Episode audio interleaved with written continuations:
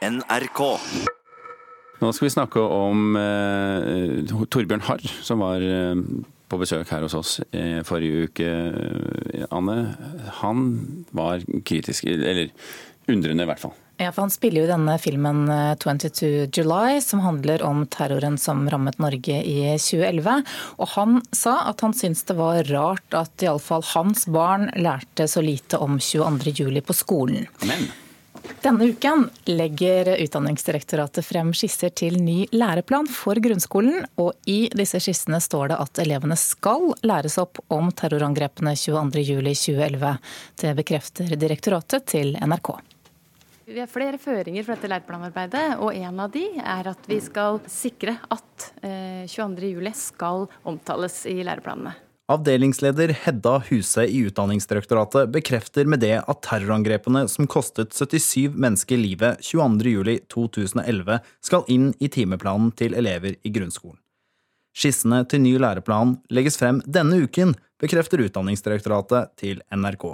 Dette er en så spesiell uh, hendelse i nyere norsk uh, historie at nå er det et veldig relevant tema for alle norske elever og lærere. Kan du si noe om hvordan det blir uh, nevnt? dette jobber vi med nå for å finne gode løsninger på. Og dette her er jo relevant i flere fag, f.eks. i samfunnsfag.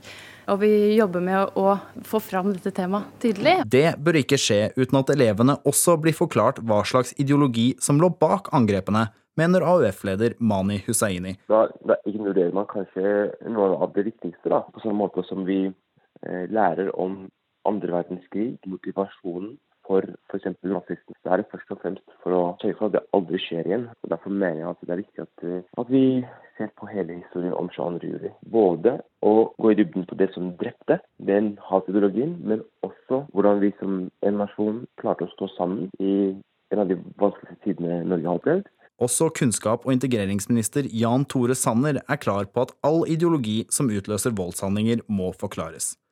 Skolen har et samfunnsoppdrag om å bygge opp under verdiene det norske demokratiet er bygget på, sier Sanner. Vi lever jo i et, eh, i et samfunn hvor, eh, hvor fellesarenaene er blitt, eh, blitt, færre, og hvor vi ser at hatprat og ekstremisme også gjør seg gjeldende i sosiale medier.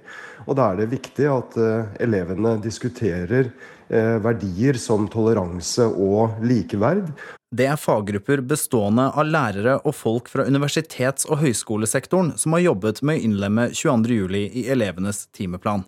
De neste månedene ønsker Utdanningsdirektoratet innspill fra lærere, institusjoner og andre med meninger om hvordan kunnskap om grusomhetene i regjeringskvartalet og på Utøya bør formidles til elevene. Dette er et definerende øyeblikk i vår historie, og vi må evne å gjøre dette på en klok måte. Leder i Utdanningsforbundet, Steffen Handal, har tidligere vært kritisk til å innlemme 22.07 i skolen uten god faglig rådgivning. Derfor er han glad for at det åpnes for innspill.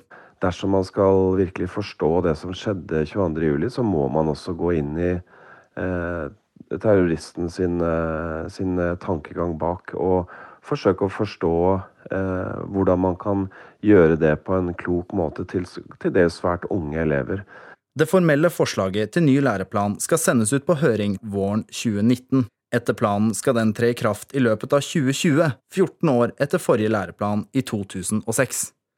I 2020 vil elevene som ikke var født under 22. juli-angrepene, utgjøre første til tredje trinn på barneskolen. Reporter her, det var eh, Øystein Tronsli Drabløs.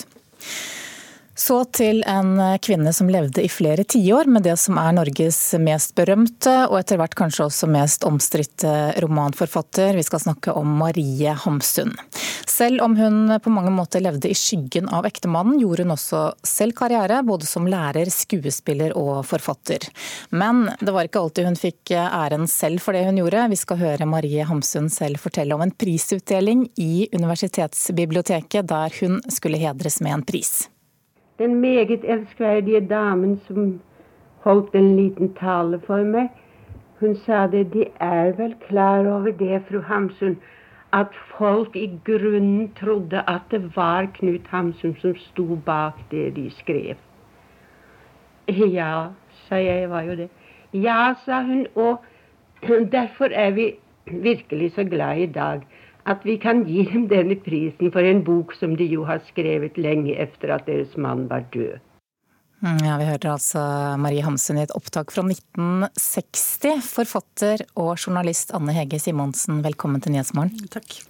Du har skrevet boken 'Kjærlighet og mørke', som er den første helhetlige biografien om nettopp Marie Hamsun. Hvorfor har du engasjert deg i livet hennes?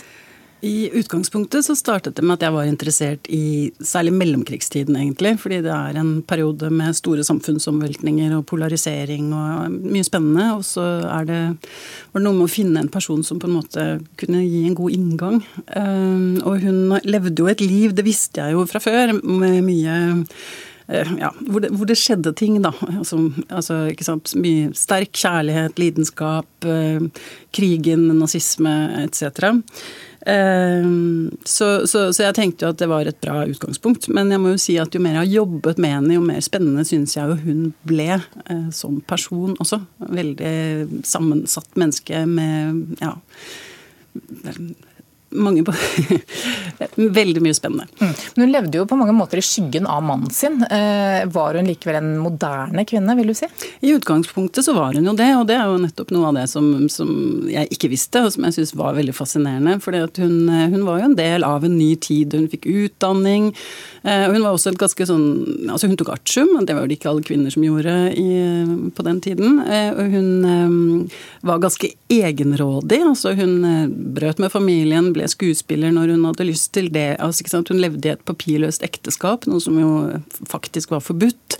Eh, og så treffer hun da denne mannen som jo egentlig avskyr nesten alt hun står for. Han syntes hun var veldig, veldig vakker, da. Eh, så, så, den delen av det avskydde han på ingen måte. Men, eh, men han var jo veldig Han hatet skuespill, han syntes at den moderne kvinnen var en uting.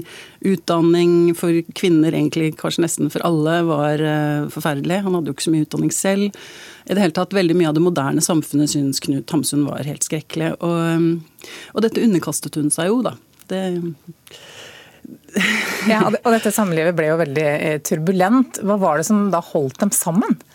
Jeg tror jo, altså Det ene er at de hadde et veldig intenst kjærlighetsforhold. Jeg tror rett og slett de hadde mye bra sex.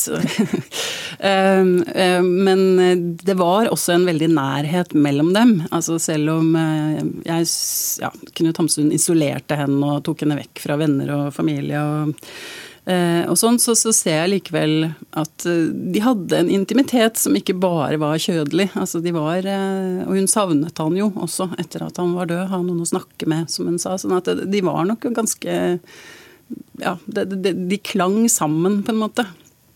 Og så etterlot hun seg en stor brevsamling som du har fått tilgang til i arbeidet med denne biografien. Hvor viktig har den vært? Ja, Det er jo flere. For det første så har jeg hatt tilgang til noen brev mellom Marie og Knut i den første fasen, som er en privatsamling som jeg ikke kan se at har vært brukt spesielt mye før. Og så er det da særlig disse venninnebrevsamlingene, og da er det to venninner. Eh, den ene hadde hun hun ble en venninne med på ja, sånn rundt 1920. Eh, og mm, det er en veldig spennende brevsamling, fordi at de, det er en venninne som var helt på andre siden. altså Marie ble jo nazist under krigen, og dette er en venninne som ikke ble det. sånn at de krangler veldig mye om politikk. Eh, samtidig som de også er veldig det er spennende det òg. Altså, de snakker om kjærlighet og de, menn og barn og slanking og diverse, men krangler da mye om politikk. Eh, og så bryter de i 1945, og så blir de venner igjen eh, på begynnelsen av 50-tallet. Og så er den andre brevsamlingen er en, en kvinne fra Haugesund da, som hun ble kjent med eh, i forbindelse med landssvikdommen som hun sonet etter krigen, og det er også veldig sånn til dels rystende lesning, men det, det er veldig det, det, har vært et utrolig sterkt materiale å ha tilgang på. Mm. Vi skal ikke snakke så mye om denne nazismen, men vi må innom det. Hun, kan du si litt om hva slags rolle hun spilte under krigen? Ja, hun var jo, altså Det var jo først og fremst i Tyskland hun virket. Hun ble medlem, altså hun stemte NS som den første i sin kommune i 1936. og Så ble hun medlem av NS i 1940. og Hun, eh, men det viktigste hun gjorde, var egentlig at hun reiste mye rundt i Tyskland og holdt foredrag og leste opp fra Knuts og egne bøker. Ehm, så, så, det er jo en sånn propagandafunksjon, da. ikke sant? Hun, for all del, hun leste også opp ting i Norge. Men, eh, men jeg tror nok at altså hun var jo spesielt tilknyttet eh, det, den kulturelle eliten i Nazi-Tyskland, kan man si. da. Ja, for Hun kjente mange av de som var store der. Ja, det, det gjorde hun. Etter krigen så ble hun altså dømt til straffarbeid. Angret hun på det hun hadde gjort? Ikke det jeg har funnet, nei. Det, altså, det jeg har funnet at hun Altså hun var jo et veldig lidenskapelig menneske, og det lå ikke for henne egentlig å angre på noe som helst. Hun angret ikke på Altså hun slet nok med noen av valgene sine, men hun angret veldig lite generelt. Men akkurat dette med krigen, så ser jeg ikke egentlig at hun slet så veldig mye heller. Hun ble snarere steilere, egentlig, etter, etter krigen. Um, hun angret på at hun ikke fulgte opp utdanningsløpet sitt, på en måte, at hun ikke skaffet seg mer kunnskap. Hun angret på at hun ikke kjempet mer for barna sine i ekteskapet, men eh, det er vanskelig å se at hun angret ideologisk. Anne Hegge Simonsen, takk for at du kom hit til Nyhetsmorgen. Biografien om Marie Hamsun heter altså 'Kjærlighet og mørke'.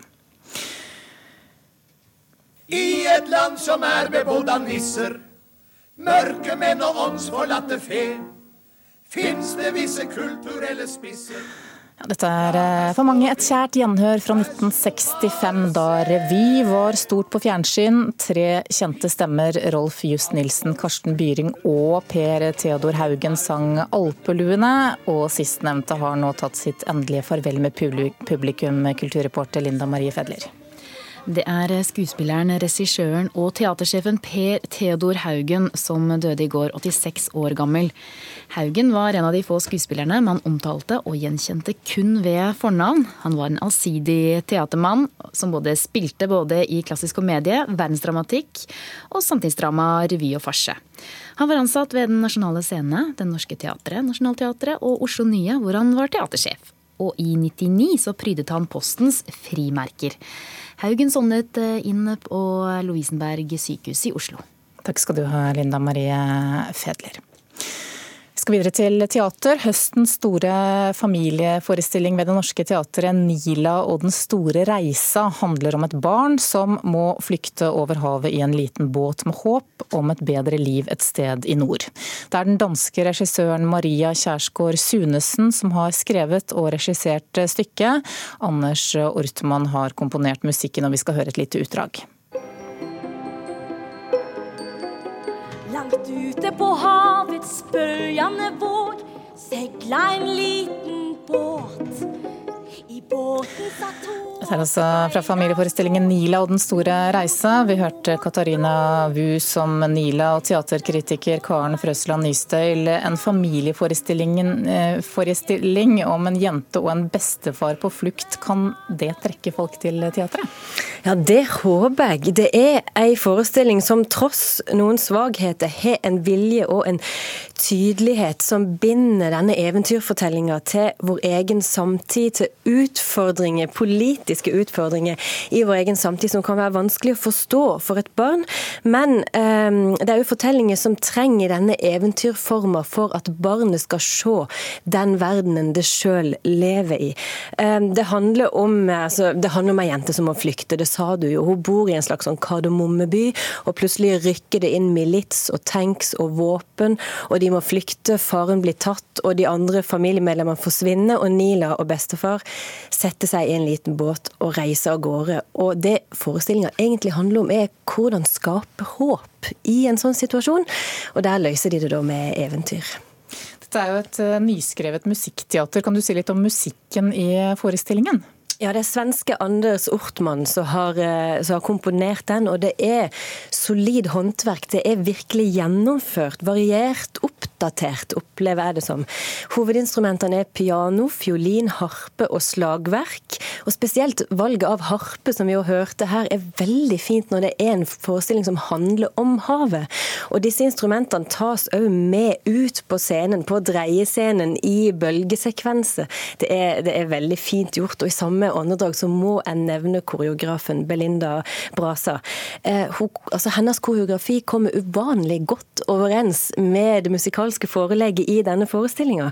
For det er mye koreografi, det er mange utøvere samtidig som danser. Og det er løst så godt, og det er samtidig løst fortellende. Særlig i de sekvensene der språket ikke fungerer, der vi ikke hører hva som blir sunget eller sagt, så, så løfter koreografien fortellinga videre, og vi detter ikke av. Det er veldig fint gjort.